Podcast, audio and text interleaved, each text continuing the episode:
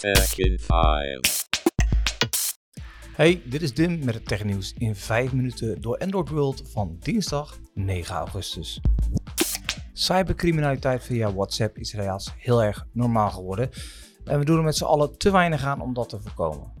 Gelukkig helpen de makers van WhatsApp ons door meer beveiligingsmaatregelen in te bouwen in de app. In de nabije toekomst zul je nog een extra stap moeten zetten voordat je je profiel van de ene naar de andere smartphone kunt zetten, omdat je bijvoorbeeld een nieuwe hebt gekocht.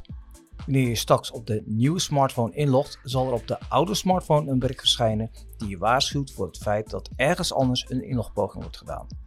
Zolang je dat zelf bent, is het geen probleem, maar zodra het verschijnt en je bent helemaal niet aan het wisselen van toestel, dan weet je dat er iemand met je account aan de haal wil. Deze functie zal voorlopig nog niet te gebruiken zijn omdat deze nog in ontwikkeling is. Zodra hij in de beta-app van WhatsApp zit, hoor je het hier als eerste. Maar dit is niet het enige waar WhatsApp aan werkt. Zo krijg je binnenkort langer de tijd om een bericht te verwijderen van de app. Je hebt nu 60 uur de tijd om na te denken of die grap nu echt wel zo goed was. Wanneer je een WhatsApp groep wil verlaten, kan dat nu ook zonder dat iedereen het te zien krijgt. Zo voorkom je dat iedereen ziet dat je uit de baby-app van de buren sluit, omdat je knotsknettergek wordt van al die babyfoto's. We wisten het al een tijdje dat het eraan kwam, maar nu is het ook officieel de mogelijkheid om je online status te verbergen. Dankzij deze nieuwe privacy-instelling heb je meer controle over wie kan zien wanneer je online bent.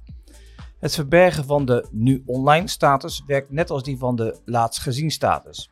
Je kan dus je online status verbergen voor niemand, voor specifieke contactpersonen of voor iedereen. Deze functie is ideaal voor een beetje meer privacy, bijvoorbeeld voor een nieuwsgierige ex of buurman. Als laatste is het niet meer mogelijk om een screenshot te maken van media die na een bepaalde tijd verdwijnen. Dat hadden ze er al vanaf het begin aan in kunnen stoppen, want de hele bedoeling van verdwijnen media is dat het niet gaat rondzwerven over het internet. Snapchat heeft vandaag Family Center aangekondigd. Hiermee kunnen ouders of verzorgers inzicht krijgen in de vrienden en contacten van hun kind. Dat gebeurt natuurlijk wel met toestemming van een kind. Snapchat wil met Family Center een nieuwe stap zetten naar een veilige internet. Snapchat is een van de meest gebruikte apps voor mensen tussen de 13 en 18 jaar. Ouders hebben geen inzicht met wie ze berichten en dergelijke uitwisselen en dat kan vooral voor de jongere leeftijden handig zijn. Family Center geeft na toestemming van de gebruiker inzicht in de contacten. Zo zien de ouders met wie er berichten worden uitgewisseld, maar niet de inhoud.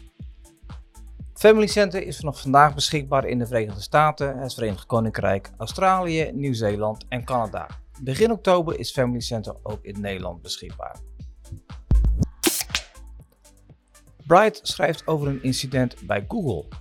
Afgelopen nacht was de zoekmachine even offline. Het ging hier om een grote internationale storing, schrijft Bright. De problemen voor de zoekmachine, maar ook Gmail en Maps en Images kwamen door een update. Lokale media melden iets anders, namelijk een elektrisch incident waarbij drie medewerkers gewond zouden geraakt zijn. Google heeft dit voorval wel bevestigd, maar of het een en het ander met elkaar te maken heeft, dat weten we niet, want dat werd er niet bij gezegd. We hebben er de afgelopen week al een paar keer over gesproken, maar het is nu echt zover.